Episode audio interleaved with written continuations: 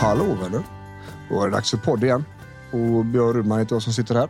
Och jag skulle börja men tänkte jag att hälsa alla, alla nytillkomna lyssnare hjärtligt välkomna. Ni är väldigt många som har hittat hit på ganska kort tid och jag tycker det är skitkul. Och eh, ni är varmt välkomna hit. Det här pratar vi om ja, olika vinklar egentligen på stress och, och stressrelaterad ohälsa. Och idag ska vi prata om eh, smärta och värk i kroppen. Vilket är en ganska vanlig, eh, ska vi säga ett vanligt symptom på stress och utmattning. Även om det kan vara svårt att förstå hur, hur det ska hur, hur går det här till? Liksom? Så jag tänker så här att jag ska förklara lite om det där. Ehm, och tidigare Eh, så jobbade jag i stort sett uteslutande med långtidssmärta. Ehm, mellan 2014 kanske, 2014 till 2019 någonstans så, så var det i princip bara smärta. Och det är också på grund av det arbetet som det till slut blev i stort sett bara stress som jag jobbar med. För att stress och smärta bor så tätt ihop. Va? Och orsaken till att, att jag fick ordning på tillsammans med patienten fick ordning på smärtsituationer eh, som till exempel sjukhusen och liknande inte löste. Det var just att, att man, vi tittade på helheten hela tiden. Eh, och i helheten i, i människan så smärta är en del, men Stress är ofta en betydande del också. Dels är smärta en stress i sig för kroppen. Men det är också mycket som händer i själva vardagen. När man har ont mycket så blir det en väldigt stressande situation. Vilket i sin tur innebär att det äter sig in i livet och skapar konsekvenser och så är det en enda soppa alltihopa och så vet man inte vad som är vad.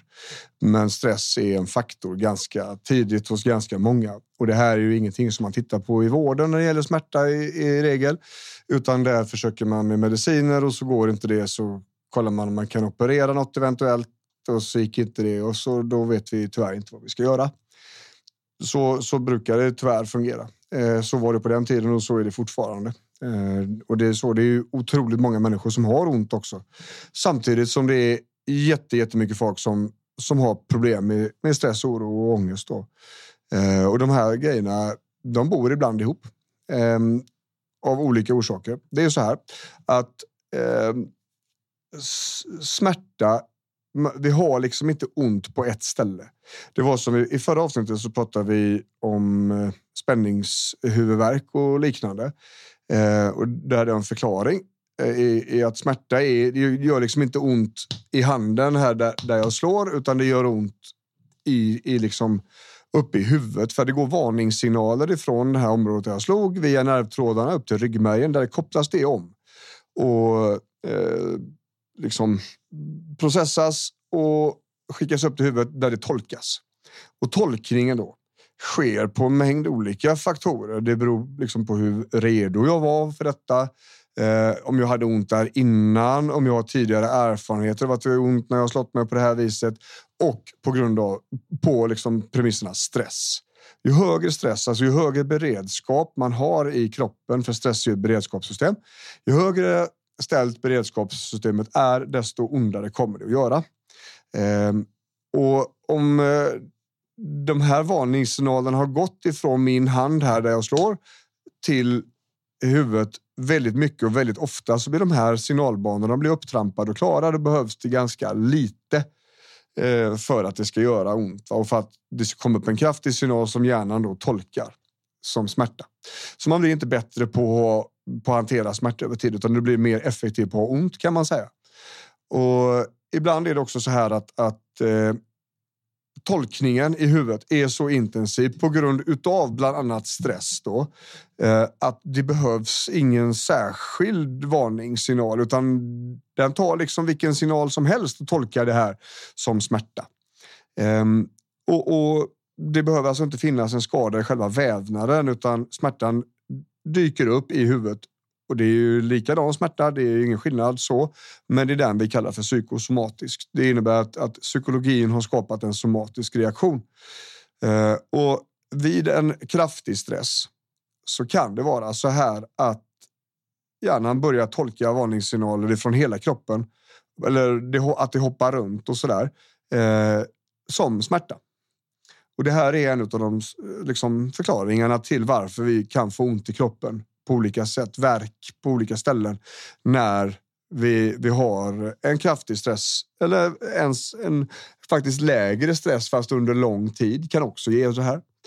Um, det finns ett par stycken grejer som jag lyssnar efter när, när jag sitter med patienter som berättar att de har ont eller när jag har en smärtpatient uh, och som det var när vi jobbade med det förr.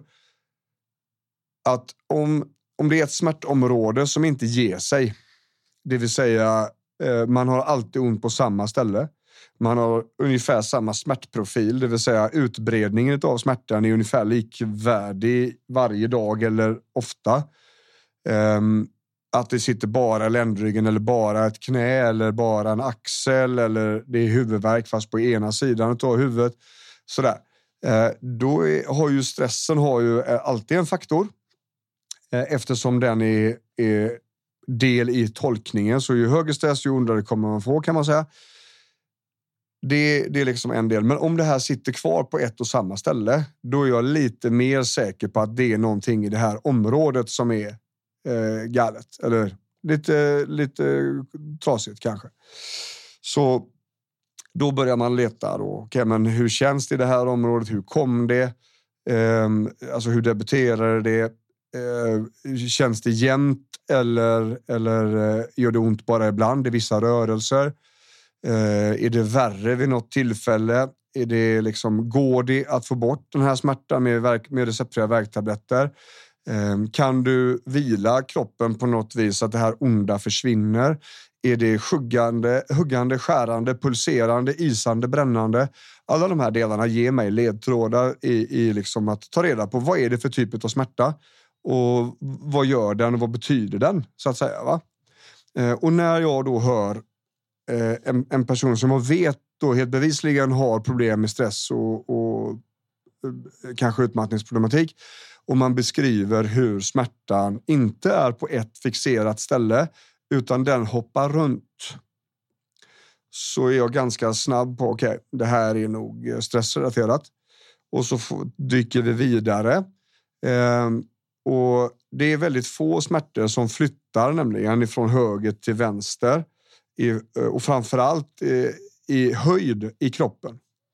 Ehm, kroppen är indelad i någonting som kallas för dermatom, det vill säga nerverna i rygg, som går i ryggmärgen och går ut i kroppen. Det ser ut som en julgran kan man säga med de här nerverna.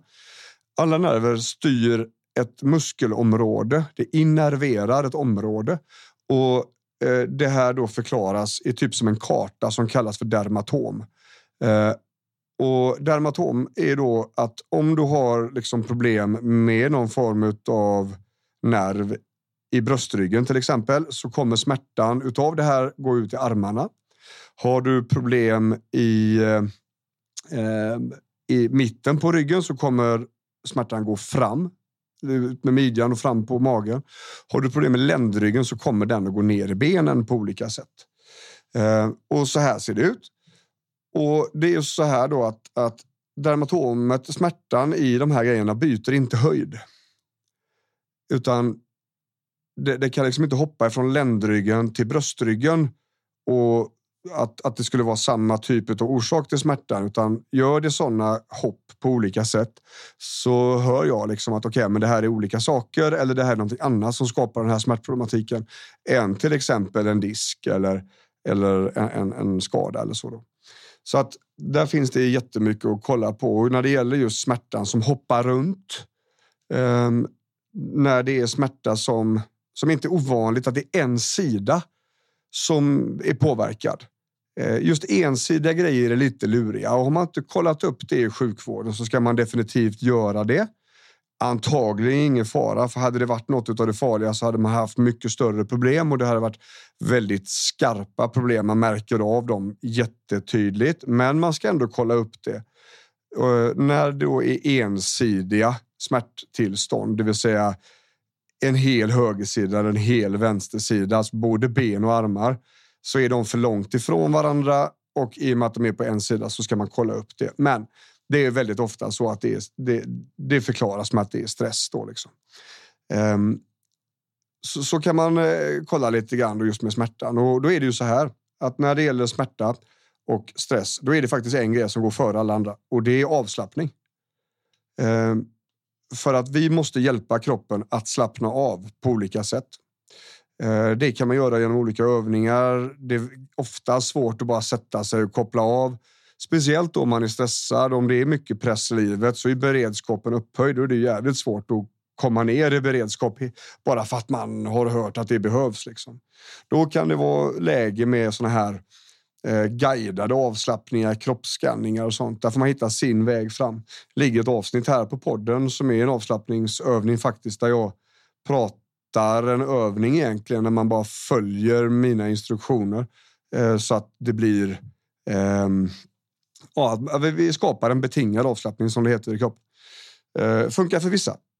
Eh, andra funkar det varma bad, eh, eh, ligga väldigt bekvämt och liknande. Men när det just gäller smärtproblematik, då det första steget i smärtlindring det är att vi hittar smärtfria episoder som det heter, vilket innebär att vi måste försöka i den mån vi kan skapa en situation i kroppen där det inte gör fullt lika jävla ont. Eh, och det här går nästan på alla. Eh, jag har haft jätte, jätte, jätteskadade patienter som har haft enormt ont och även där till slut har vi hittat någon form av minskning. Liksom. Och just när det gäller avslappningen så är det faktiskt facit i smärtan. Eh, det, det gäller att, att hålla den kontinuerlig så man kanske måste jobba effektivt med avslappning två, tre gånger om dagen om man har ont mycket. Eh, men då samtidigt titta på själva stresssituationen och där finns det ju gott om avsnitt bakåt här i podden. Ehm, och när vi är inne på då eh, just ont, verk, smärta och, och sådär så kommer vi automatiskt att behöva tangera eh, smärtlindring, det vill säga tabletter är då på vissa sätt. Nu är inte jag läkare så jag ger inga, det här är inga medicinska råd. Men eh, att gå runt och ha ont och samtidigt försöka eh, liksom manifestera ett motstånd mot tabletter, receptfria tabletter. Det, det är så här att smärtan kommer att ha större konsekvenser än de här receptfria tabletterna har. Det är alltså ett mycket större problem för kroppen, musklerna, organsystem, huvudet, rubbet och gå runt och ha ont hela tiden än det blir problem för kroppen om man äter några Panodil om dagen eller några Ipren om dagen. Ehm, vi behöver göra vad vi kan för att få ner smärtan. Vi behöver ju samtidigt se till att vi har en, en pågående smärtrehabilitering, vilket innebär att vi behöver titta på var smärtan kommer ifrån och sedan göra grejerna som vi behöver för att det ska försvinna. Eh, och vi behöver jobba med stressen samtidigt. Men eh, det är alltså mycket större problem för kroppen att ha ont än det blir för, för liksom systemen om man får i sig lite receptfria värktabletter. Eh, det, det, där är någonting som jag springer på jätteofta. Det var senast igår faktiskt som jag, som jag eh, sprang på en sån situation. Att en patient som hade göront så. Och vad äter du för värktabletter? Ah, inga. Jag tror, äh, jag tror inte det är bra. Ah, Okej, okay så fick jag förklara. Eh, för det är så att smärta skapar en jättestress för kroppen. Smärta konsumerar fruktansvärda mängder energi. Och det här behöver vi inte när vi samtidigt jobbar med stress och utmattningssituation. Va? Vi behöver ta hand om det där. Ehm, det är också så här att eh, rörelse träning helt enkelt. Det kan vara både sjukgymnastik, specifika övningar för specifika tillstånd och så vidare. Men också vanlig generell rörelse är smärtlindrande i sig. Och det här eh, är. Det här var en av orsakerna till att vi lyckades så bra med patienterna som kom till mig. Eh, det var att, att ja, visst, du har ont i knät, men du har ju mer kropp här, så vi tränar resten. Tränar bröst och rygg och armar så in i helvete. Eh, men vi rehabiliterade knät med övningar. Och så blev det mycket, mycket lättare att hantera smärtan i knät och, och kroppen blev starkare. Människan blev piggare och så var vi faktiskt framme. Va? Eh, så man ska inte vara feg på att röra sig i övrigt. Alltså, rör ordentligt på de här områdena som inte har ont i. Liksom. När det gäller hela kroppen, om man har en sån problematik, då ska vi inte träna för hårt, för tidigt, för snabbt. Utan då behöver vi kolla av lite mer. Då, då behöver man lite mer handpåläggning på det här. Eh, så, så där är vi. Eh, jag har pratat om det här i, i flera dagar. Det gjorde vi förr också. hade ju en, podd som heter Podden om ont. Där. Släppte en bok, en bok faktiskt som detta också 2020. Som heter Boken om ont. Så att vi har, vi har plöjt ordentligt i det här eh, och eh, jobbar fortfarande med det en hel del.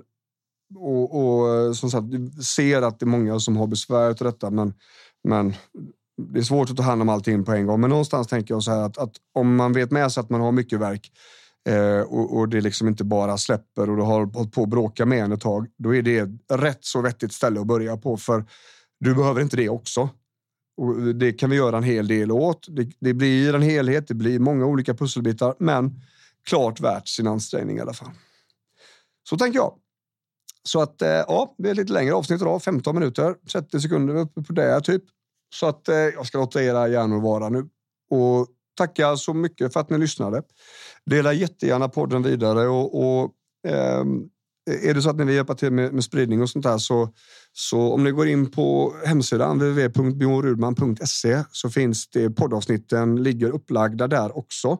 Den spelaren där liksom eh, är, är bra att köra på för då kommer fler att kunna se avsnitten och sprider de sig på ett annat sätt kan man säga. Annars så lyssnar man på Spotify eller på, på eh, Apple Podcast som vanligt. Det var bara det jag skulle säga. Stort tack för att ni lyssnar. Eh, hörs vi snart igen. Ha det gött. Hej!